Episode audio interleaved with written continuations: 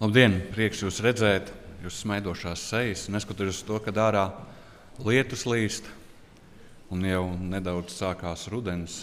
Tā. Mēs vēl ilgi šajā nedēļā aizvadītajā varējām baudīt skaisto laiku.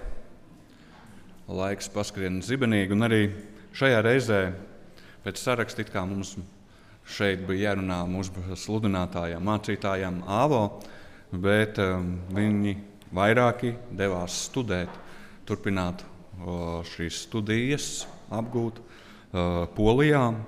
Un arī es biju cerējis, ka varētu būt kāds aizvietotājs, bet tā kā vairākās vietās iztrūkst, tad nebija īsti. Nācās man pašam sagatavot un līdzdalīt jums kādu vēsti. Pats svarīgākais noteikti, kad mēs, lai arī ko mācītos, mēs vienmēr, ko mēs nu, izlasām vai analizējam, ņemam piemēru, lai uh, mēģinām to piemērot savai dzīvei, lai mēs paši kaut kādas svētības iegūtu no tā. Un arī šajā reizē uh, mans pārdoms ir vairāk vērsts uz to, ka šis salīdzinājums Bībelē ir skaistiem piemēriem Varbūt tā dažreiz liekas, ka tur ir šie notikumi, kas ir aprakstīti. Viņi ir no dzīves tādi, varbūt arī ar traģiskām beigām, ar dažādām piedzīvojumiem, tādām krasām lietām, kas varbūt liekas, nu, varbūt Bībelē to visu nevajadzētu rakstīt. Bet kāpēc Dievs to ir tā licis šiem praviešiem, kas sagat, raksta Bībelē, to ir uzrakstīt? Un noteikti tas ir mērķis, lai mēs kas šeit arī šodien dzīvojam, lasām, no tā mācītos. Jo mēs saskaramies ar tādām pašām situācijām, līdzīgām situācijām šodien, un mums ir jāpieņem izvēle. Kā jau mēs šajā pirmajā stundā mācījāmies, kad mums ir katru brīdi kādas izvēles, ko darīt, ko pieņemt. Un, ja mēs esam saņēmuši šo dāvanu vai šo, kā šeit tika noformulēta skaistā to iespēju iepazīt Dievu, vai mēs esam gatavi arī savā dzīvē prakticēt to. Un šodien mans um, piemērs, jeb ko mēs izanalizēsim, viena dzīves, uh, viena soļa, soļa dzīves gājumu, kad viņam bija šī īpašā iespēja, bet diemžēl viņš šo neizmantoja. Un kāpēc izvērtās šāda neizmantot iespēju, jeb tāda vilšanās. Varbūt daži var jau uzminēt, kas tas varētu būt, bet tas ir Simpsons, par ko es vēlos nedaudz sākumā jums līdzdalīt, un pēc tam būs šis salīdzinājums, kā tas redzējums, arī mans redzējums ir, kā tas attiecās uz mums šodien. Pirmais, ko mēs varētu izlasīt, tas ir soļi 13. nodaļā, tur pirmos piecus pantus. Atvērsim Bībeles soļi 13. nodaļā, pirmos piecus pantus. Bet Izraēla bērni joprojām darīja to, kas bija ļauns tā kunga acīs. Un tas kungs tos nodeva filistiešu rokās 40 gadus. Un tur bija kāds vīrs no Coras, Dana Cilts, Tā vārds bija Manoā. Un viņa sieva bija neauglīga, un tā nebija vēl, tā nebija vēl dzemdējusi. Tad tā kunga eņģelis parādījās šai sievai un sacīja viņai: Redzi, tu domā, ka tu esi neauglīga, jo tu neesi dzemdējusi, bet tu kļūsi grūta un tu dzemdēsi dēlu.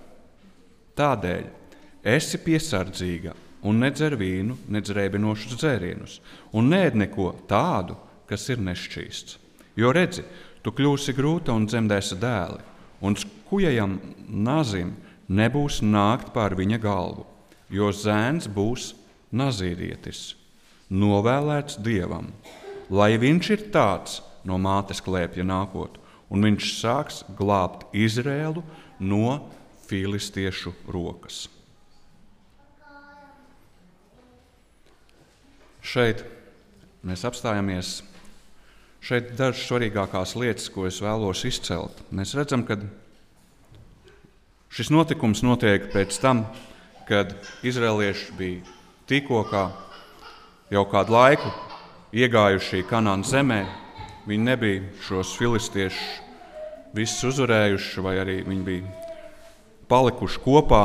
Un kungs arī pieļāva to, ka viņi tika nu, pakļauti. Izrēlieši tika pakļauti verdzībā šiem filistiešiem. Un šeit tiek pieminēts, ka ir kāds vīrs, kurš dzīvo un viņam ir sieva. Interesanti, ka mēs lasām tālāk pie šīs sievas nāk eņģelis. Nevis pie šī vīra, bet pie šīs sievas un pasaka šo uzdevumu. Un arī nākošā reizē, kad viņi izstāsta šo īpašo uzdevumu, kas tiek dots viņai, kad eņģelis ir bijis, viņa arī stāsta. Un arī nākošajā reizē parādās viņai, un tad viņa sauc vīru, un arī tad viņi vēlās uzzināt precīzi, kā viņiem rīkoties. Varbūt vēl viena raksturvieta, ko mums ir jāizliest, jāizlasa, lai mums būtu skaidrāks, kas ir nazīrietis. Šeit, 5. pantā, jau konkrēti tika uzskaitīts, kas nevajag lietot, bet mūža grāmatā, 4. mūža grāmatā,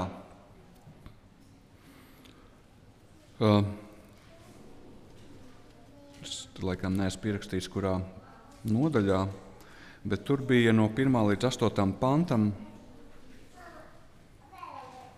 Es izlasīšu dažus te, teikumus tieši konkrēti, kad Mozus laikā bija cilvēki, kas vēlējās dot īpašu apsolījumu kalpot dievam.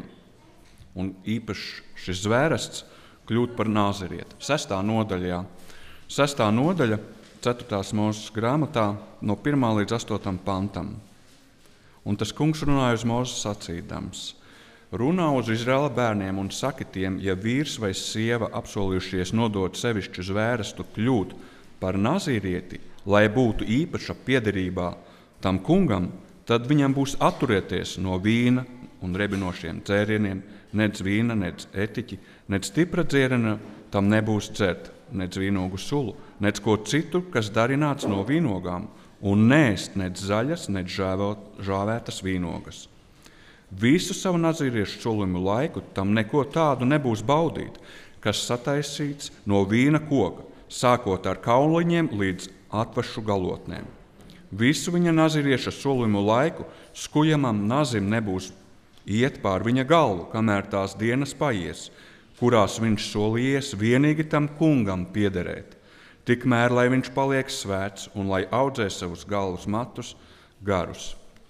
Tāpēc visu šo savu solījumu laiku tam kungam, lai viņš neiet, ne, lai viņš neiet pie miroņa, ne pie sava tēva, ne pie savas mātes, ne pie sava brāļa, ne pie savas māsas, viņš lai nepadara sevi nešķīstu gar tiem, ka tie ir miruši. Arī viņš pats lai sevi nepadara nešķīstu, tāpēc ka solījums Dievam ir uz viņa galvas un visu savu nazīriešu solījumu laiku viņš ir svēts tam kungam. Tātad šeit tiek izceltas tādas līnijas, kuras bija jāievēro šim nazīrietim. Varbūt, lai ātrāk mēs nelasīsim konkrēti šos piedzīvojumus, kāda notika ar šo Simpsonu, bet es mēģināšu tā īsumā atstāstīt tādus svarīgākos, kas uh, liek mums nu, saprast, kāds ir viņa gājums vai viņa izvēle. Tātad Simpsonam viņš tiek audzināts šajā ģimenē ar īpašu vērību. Viņš izaug, viņš sāk iepazīt apkārtni, viņam šis uzdevums ir skaidrs.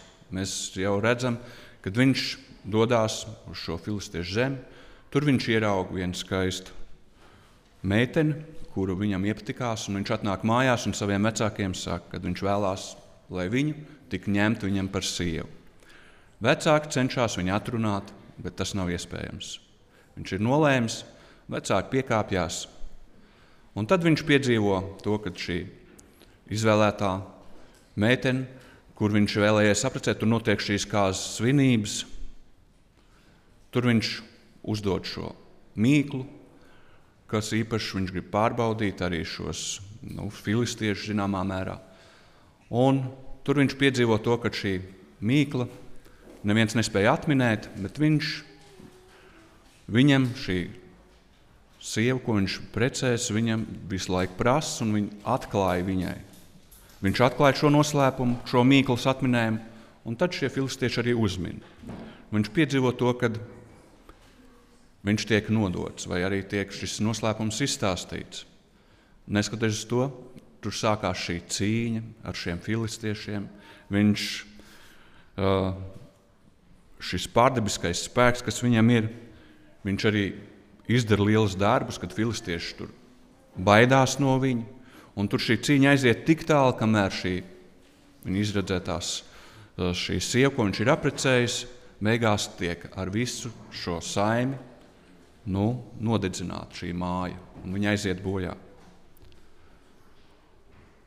Un šeit, pēc tam šis viens notikums, kur ir aprakstīts arī Bībelē, kad viņš sāk karot ar šiem filistiešiem, viņš uzvarēja ļoti liels kaujas. Un Izraēla tautai bija brīnišķīga iespēja pievienoties viņam un būt gataviem kopā iet šajā atbrīvošanās ceļā, ko Dievs bija plānojis. Bet Izraēla tauta noskatījās, viņi nebija gatavi tam pievienoties. Un vēl tālāk mēs redzam tur nākošos notikumus. Viņš dzīvo šis soļu laiks, kas ko Simpsons veica šai Izraēla tautai, bija ap 20 gadiem. Un nākošais notikums, kad viņš ievēro staigā, iet pie vienas netiklas ierauga, viņš tur iegriežas, un tur tālāk rezultātā tā, nu, pārējie filistieši, kas tur šajā ciematā dzīvoja, nu, domāja, nu, viņš ir mūsu rokās. Un viņš atkal laimīgā kārtā izkļūst. Pēc tam vēl viens nu, tāds smagāks notikums, kad viņš iemīl vienu atkal sievieti, kas nav viņa uh, tūmā, bet viņas vārds ir Delila, kuru viņš aprec un pie kuras viņš dzīvo. Un tur visādām mēģina atminēt šo viņa nos, spēku noslēpumu. Un viņš piedzīvo, ka viņš atkal izstāsta, un viņa, viņš redz, ka šie ienaidnieki nāk, un viņš sarauj šīs saites, un viņš jūtās, ka Dieva gars ir ar viņu. Kaut gan viņš ir daudz jau pārkāpums ir izdarījis, bet Dievs vēl joprojām ir dāvājis šo iespēju izglābties. Un viņš paliek pārgalvīgs. Viņš aiziet līdz tik tālu, kamēr viņš atklāja šo pēdējo noslēpumu par šiem matiem, kuros it kā slēpjas šis spēks. Bet tas, par to mēs varbūt vēl vēlāk, par smalkāk pārunāsim, jo būtībā mēs jau arī lasījām šajos, kas arī mūsu grāmatā bija šis noteikums, kad tur bija vairāk punktu, kas bija jāievēro, lai šis nazīrietis būtu īpaši veltīts, nu, īpaši nodevies Dievam un šis nu, solījums darbotos. Mēs jau lasot, ko es jau stāstīju, kad mēs lasām šos soļu grāmatu, šīs vairākas nodaļas, mēs redzam, ka viņš pārkāpa vienu, otru, trešo, ceturto šos punktus. Viņš pārkāpa. Un šis pēdējais bija palicis tieši par šo matu, kas simbolizē šo arī zināmās šo spēku, ko Dievs bija īpaši veltījis viņam. Un tad Kad viņš šo noslēpumu izstāsta, šie mati, protams, tiek nogriezti. Un viņš atkal cerēja, ka viņš varēs saraut šīs važas, bet viņš piedzīvoja to, ka nav vairs spēks. Šis dieva gars ir atstājis viņu. Un pēc tam viņam tiek izdurtas acis, viņš tiek iejūgts pats grūtākajā vai grūtākajā darbā, kad viņam ir jāgriež, jāvelk šis dzirnakmens. Un, lasot, mēs redzam, kāds nu, īpašs uzdevums, kāds viņam tika uzticēts, aicināts, ko veikt. viņš daļēji sāk veikt, bet ar savām izvēlēm viņš piedzīvo to, kad viņš vien tālāk, vien tālāk atkāpjas no Dieva, līdz beidzot par šo pēdējo, ko viņš pārkāpj šos noteikumus, viņš zaudē šo spēku pilnībā un viņš kļūst par vērgu. Viņš bija nācis, lai šī atbrīvotu izrēliešu no šīs vecības, bet viņš beigās kļūst pats par to. Un varbūt viens citāts no sentāmiem praviešiem, tur ir aprakstīta tieši arī šī nodaļa, Simpsons. Es vēlos izlasīt tādu nelielu citātu. Tā piepildījās kunga apsolījums, ka viņš ar Simpsonu sāks Izraelu atbrīvot no filistiešu rokas. Bet cik tomēr tumšs un briesmīgs bija šīs dzīves stāsts kas varēja izvērsties dievam par godu un nācijai par slavu, ja Simpsons būtu palicis uzticīgs dievišķajiem aicinājumam. Tad, īstenojot dieva nodomu, savā, savu dzīvi noslēgtu ar godu un cieņu, bet viņš padevās kārdinājumiem un pierādīja, ka ir neusticīgs savam uzdevumam, kuru tagad vajadzēja pabeigt ar zaudējumu, verdzībā un pat nāvē. Mēs zinām, kāds bija viņa, šis pats mūža noslēgums. Un tagad es vēlos no šī stāsta, šī notikuma, kādas trīs lietas mēs varam secināt no viņa šo Simpsona dzīves.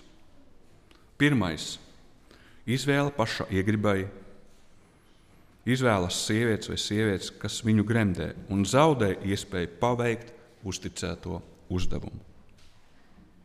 Otrais - sāka lietot to, kas bija aizliegts. Un trešais - beigās arī atklāja, kas ir viņa noslēpums. Būtībā pēdējo zīmi, kas viņu vēl turēja par nazīrieti, par īpašo šo dieva novēlēto cilvēku. Tad, tad viņš to vairs nenovērtēja. Un kā šodien mēs varam paskatīties līdzīgi uz savu dzīvi, jeb uz savu mūsu dzīvēm? Kā, kāds aicinājums ir mums? Vai mēs arī esam kaut kam īpašam aicināti? es vēlos izlasīt, lai mēs izlasām 1. pētera 2. nodaļas 9. pantu. 1. pētera 2. nodaļa 9. pants. Bet jūs esat izredzēta cilts, ķēnišķīgi priesteri, svēta tauta, dieva īpašums, lai jūs paustu tā varenos darbus, kas jūs ir aicinājis no tumsas savā brīnišķīgajā gaismā. Šeit Pēters aicina un atgādina to, kas jau caurvijās praktiski visā Bībelē, arī šai Izraēla tautai, gan šiem Simpsonam, gan šiem naziriešiem, būtībā bija tas īpašais uzdevums. Ķēnišķīgi priesteri, svēta tauta, dieva īpašums, lai paustu tā varenos darbus, kas jūs ir aicinājis. Tātad Kā, kā mēs šodien varam par to liecināt, vai kāda ir mūsu dzīve, vai tā liecina par to, ka mēs esam tādi, vai tomēr mēs saplūstam ar pasauli. Šodien no kā varbūt tās cilvēkiem radās jautājums, un arī reizē varbūt tāda neizpratne, kāpēc ir jābūt kādai īpašai izredzētībai vai šādai svētai tautai, kam dēļ šeit šis, ko mēs lasām, kam dēļ tas ir aicināts. Būtībā tas ir dēļ tā, ka Dievs vienmēr ir vēlējies, lai cilvēki, kas izvēlās sekot viņam, piedzīvot to, kad viņi savā dzīvēm ir izmainīti, un šie cilvēki, kas vēro vai redz šajā apkārtnē, viņi vēlās pievienoties šiem cilvēkiem un arī būt iespēja tikt glābtiem.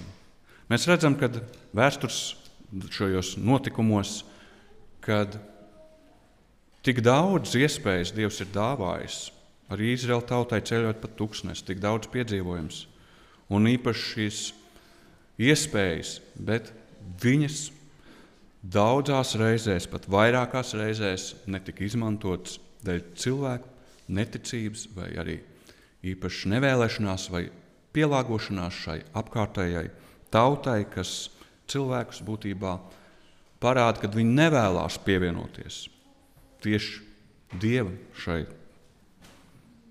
izvēlei vai šim aicinājumam. Varbūt tās nu, vairāk piemēru, ko mēs redzam Bībelē, kaut vai viens notikums. Mēs atceramies un zinām par šo, kad tika izpostīta pasaule ūdensplūdos. No bija aicināts būvēt šķirstu. Viņš to veids cik gadus? 120 gadus. Viņš veids šo būvniecību. Un tajā laikā tas bija aicinājums cilvēkiem, kas tur pievienojās, lai būvētu un liecinātu par to, ka būs konkrēts noslēgums, jeb galas, kad nāks ūdens plūdi, kad tiks iznīcināta šī grēka pasaule. Varbūt daži sacīs, ka tur netika noteikts jeb norādes par to, ka konkrēti kaut kādām principiem jāatbilst. Bet es teiktu, ka šeit mēs redzējām to, ka šie cilvēki pazina no. Viņiem bija iespējas redzēt, kāda ir viņa dzīves principi. Viņiem bija iespējas redzēt arī šo paradīzes dārzu, kur apsargāja eņģeļi.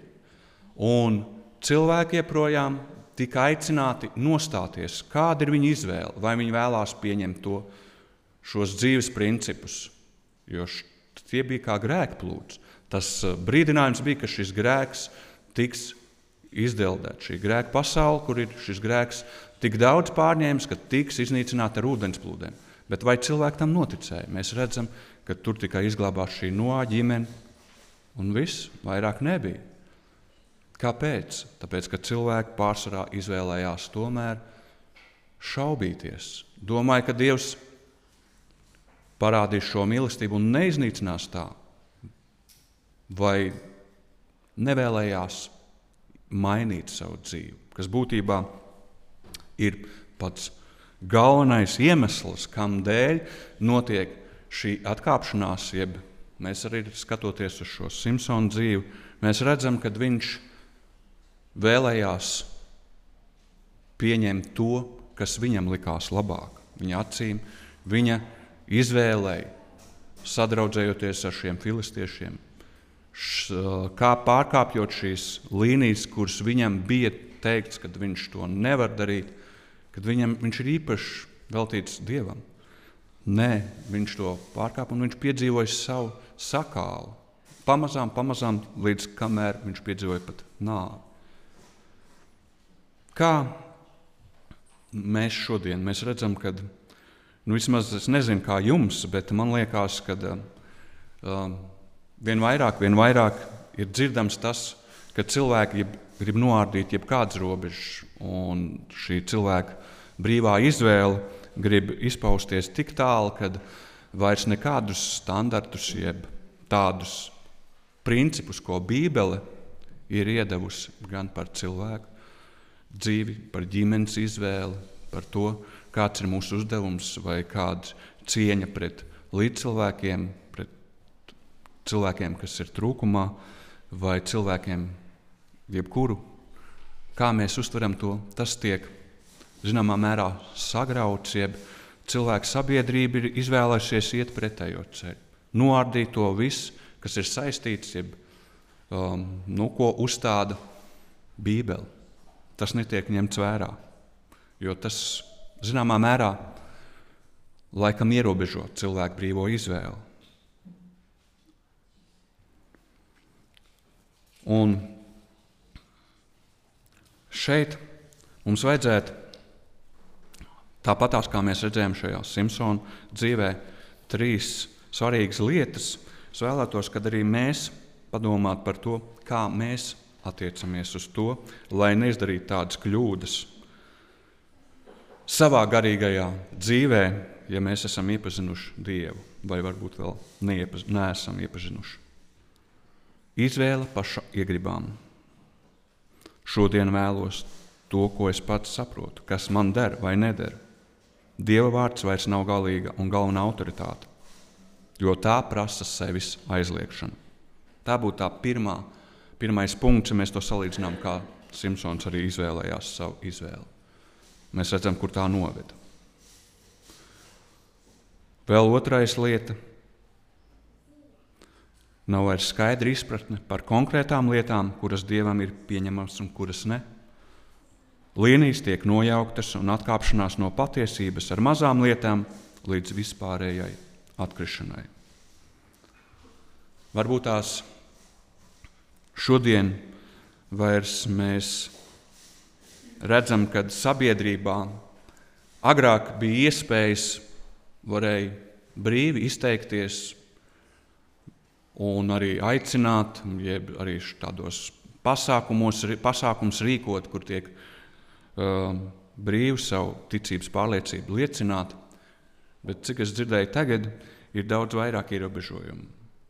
Ja rīko kāds pasākums skolā vai kaut kādās sabiedriskās lietā, vietās, tur ir jābūt pārsvarā grib atbalstīt tādus, kur būtu nevis viena šī ticība, jeb nu, viena draudzes bet būtu ekumeniska, tur, kur būtu vairāk viedokļu. Mēs to redzam arī, kā tas uh, iekā, nu, ienāk arī mūsu mācības skolēniem, ko mācās, kā tas viss ietekmē šo pasauli. Tā ka arī šīs lietas, kas Bībelē ir norātas, jeb nu, nosauktas, ka tas nav izcelts par to, ka, kas cilvēkam ir vajadzīgs, ka to, lai paplašinātu zināšanas, ir vajadzīgs apgūt. Vai tas tā ir vajadzīgs? Es domāju, ka nē. Dievs ir konkrēti devis savus norādījumus, un ja Dieva vārds ir autoritāte, tad mēs to sapratīsim. Bet, diemžēl mēs redzam, ka sabiedrībā tas tā nav. Bet, lai nu, skatoties no mūsu viedokļa, kāda ir mūsu reakcija? Varbūt es teiktu tā, ka šodien mēs sastopamies ar to, ka ir tāds miera nu, tāds laiks, jeb zināmā mērā laiks, kad cilvēka šī pārliecība, jeb ticība prasa dziļāku izpratni, jo nav jānostājās tā konkrēti par kaut kādu aizsardzību, jeb nu, nu, tādu pā, tā kā bija nu, senāk padomu laikā, kad mums tika apspiesti vai kaut tam līdzīgi, tad mēs visi degām par to brīvību, tādu, kad ir demokrātija, kur ir vajadzīga, un uh, arī šī uh, ticība, lai tiktu izpausta, jo tā tika apspiesta, un tad mēs bijām gatavi vairāk nostāties tā, nu, sevi aizliegt. Un, bet līdz ko parādās šī vairāk brīvība, jeb demokrātija, mēs redzam, kā tas arī ir Amerikā un arī attīstītākajās valstīs, arī pasaulē, kas skaitās. Uh, ekonomika visaugstāk attīstības līmenis, tur mēs redzam, ka šī ticība procentuāli ir vismazāk. Un šeit, man liekas, ir šī lielākā problēma, kad cilvēkam cilvēks ļoti ietekmējās no apkārtējās vidas. To mēs arī redzam šeit, Bībelē, kā Izraēla tautai gāja. Tā arī, arī mums šodien. Lai šī ietekme, nu, šī apkārtā vide nenovest mūs no ceļa, mums noteikti ir ļoti daudz jāiepazīst tieši konkrēti, kāda ir Dieva prāts, kāds ir viņa nodoms. Bieži vien mēs esam dzirdējuši, var sacītām, nu, agrākā, agrākajos laikos, šī Bībeles laikā, mēs redzam, ka tur bija iespējas, ka tur pravietis nāca konkrēti norāja vai konkrēti pasakīja, ka tas ir nepareizi un viegli saprotams. Bet es kaut kur lasīju, man liekas, tas arī ir praviešu garā rakstīts, Elēna Vaita par to piemin, kad pēdējā laikā ir tik daudz dot šī informācija. Ja mēs lasītu šīs liecības, gan šos um, literatūru, ko viņi ir sarakstījuši, ko Dievs viņai ir atklājis, tad mēs, mums ir iespēja saņemt šīs atbildes. Tā kā Dievs ir atklājis. Ja mēs neatrodam to Dieva vārdā, tad arī šeit, papildināt šīs liecībās, mēs varam atrast šīs atbildes un skaidrs um, lietas, saprast, kāds ir šis aicinājums mums. Mēs kaut vai vienu, viens piemērs, mēs redzam, ka jau 150 gadus atpakaļ veselības principus, kurus Dievs ir atklājis Elēnai Vaitai, viņa tos jau pasacīja, uzrakstīja 150 gadus atpakaļ. Un zinātne nu jau kaut kādus 5 vai 10 gadus tieši tās lietas arī atzīst, ka uh, ir tas cilvēku veselībai, tieši šie principi ir ļoti labi. Un tādas ir vairākas lietas, kas, ko Dievs ir atklājis caur savu vārdu, un īpaši arī uzticējis kā draudzēji, lai šīs iespējas būt par gaismu šai pasaulē tiktu sniegta tālāk. Bet jautājums vienmēr paliek, vai mēs esam paši gatavi tai. Mēs redzam, ka bieži vien mūsu pašu vidē mēs pat nepieņemam visu to, ko Dievs ir sacījis caur šo vārdu. Un tas kavē mūsu iespējas piedzīvot īpaši šīs svētības, kādas Viņš vēlās dot. Mēs viegli varam noskatīties uz, to, uz šo Simpsonu dzīvi, likties, nu kāds viņš bija muļķis, nu kāpēc viņam vajadzēja tā iekrist. Bet līdzīgi notiek tā arī mums, ja mēs, lasot Dievu vārdu, ir lietas, ko mēs pieņemam, un lietas, kuras mēs varbūt tās tā nenovērtējam, kurām Dievs ir aicinājis ievērot gan šīs veselības principu, gan to, kā dzīvot, lai būtu par svētību apkārtnē. Bieži vien šis apstākļi, jeb mūsu ilgas, kad mēs vēlamies būt nu, saprasti, jeb pieņemti, bieži vien varbūt noklusējam, nevēlamies atšķirties no tiem citiem. Bet Dievs ir vēlējies, lai šī gaisma būtu tāda, kas cilvēkiem no sākuma, protams, varētu būt kāda pretreakcija vai arī nepieņemta. Bet būs cilvēki, kas to novērtēs. Un, ja viņi redzēs un piedzīvos to, ka šī īpašā gaisma īpaši izpaužās ar to, ka cilvēki ir veselīgāki, kad viņi spēj spriest un liecināt par to, kādas izmaiņas ir notikušas šajā cilvēka dzīvē. Kad Kristus darbojās aktīvi viņa dzīvē, kad viņi piedzīvo to, kā viņi mainās, un kad šie cilvēki ir tādi, kuri patīkami sastapt, kuri ir laipni, kuri ir gatavi palīdzēt, kas upurē, uzupurējas otra cilvēka labā. Un arī šie principi, kurus viņi ievēro, ka tie ir viņiem ļoti svarīgi un ka tie tikai nes svētību. Mēs varbūt tās to neredzam uzreiz, šodien, bet es domāju, ir laiks patreiz mums katram sagatavoties un dziļi ieskatīties Dieva vārdā, uz ko Dievs ir aicinājis mūsu katru.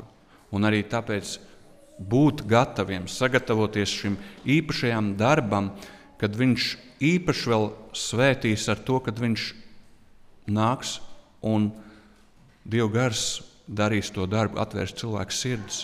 Un būs cilvēki, kas būs gatavi uzņemt un kopā darboties ar Dievu un paveikt šo spēcīgo uzdevumu. Arī tāpatās kā šeit šim Simpsonam bija aicinājums. Ar Izraēlu tautu noskatījās, un viņi nebija gatavi. Tāpat tas arī mums šodien ir jābūt. Jāsagatavojās lai mēs būtu piepildīti ar šo svēto garu, kas mums pārmaina mūsu dzīves, pieņemam to, ko Dievs ir sacījis, lai mēs būtu par šo īpašo tautu, lai būtu par svētību apkārtnē. Un šeit varbūt tās daži citātu, ko es vēl vēlos līdzdalīt pie šī pārdomām. Es redzēju, ka Dievs var darīt savu darbu bez kāda cilvēka palīdzības, bet tas nav viņa plāns. Tagad pasaulē ir kā skatuve, kur cilvēkus pārbauda. Cilvēkam šeit jāveido raksturs, kas līdz ar viņu ies mūžīgajā pasaulē. Labais un ļaunais ir likts viņa priekšā, un no cilvēka izvēles atkarīga viņa nākotne. Kristus nāca, lai izmainītu domu un jūtu virzienu. Cilvēka sirds jāatrauj no zemes mantas un jāpā, jāpievērš debesīm. Viņu pašaizliedzība Dievu, Dievu var pagodināt. Cilvēka dēļ ir pienests vislielākais upuris, un tagad cilvēks tiek pārbaudīts, lai redzētu, vai viņš grib sekot Jēzus piemēram un uzupurēties saviem līdzcilvēkiem. Sātans un viņa eņģeļi ir savienojušies pret dieva tautu, bet Jēzus grib viņu šķīstīt priekš sevis. Un viņš prasa, lai viņi veicina viņa darbu. Dievs savam ļaudīm šajā pasaulē ir pietiekuši uzticējis, lai bez kavēkļiem vestu viņa darbu uz priekšu.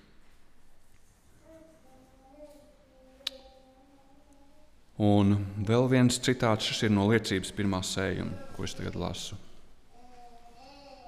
Kristieša izturēšanās līdzinās viņa kunga izturēšanās veidām. Viņš pacēla karogu un mums dota brīva izvēle.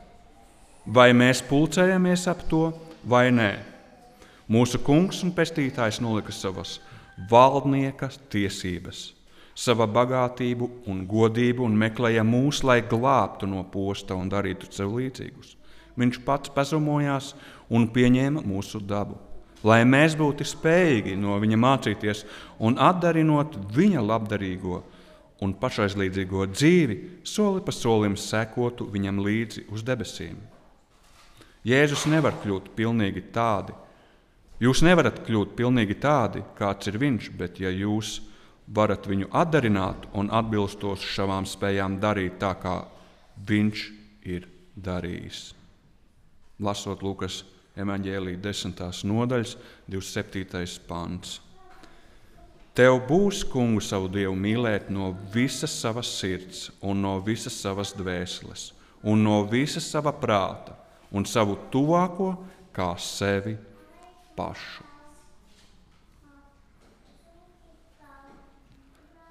Es novēlu jums katram novērtēt to, ko Dievs ir darījis mūsu cilvēku labā. Tādas iespējas, kas mums ir atstātas, iespējas, uz kurām Viņš aicina savu dzīvi, nodot, jeb būt gatavam nostāties Viņa pusē, pieņemt to, ko Viņš ir sacījis un staigāt kopā ar viņu, piedzīvot to, ka Dievs ir tas, kas pārmaina mūsu dzīves.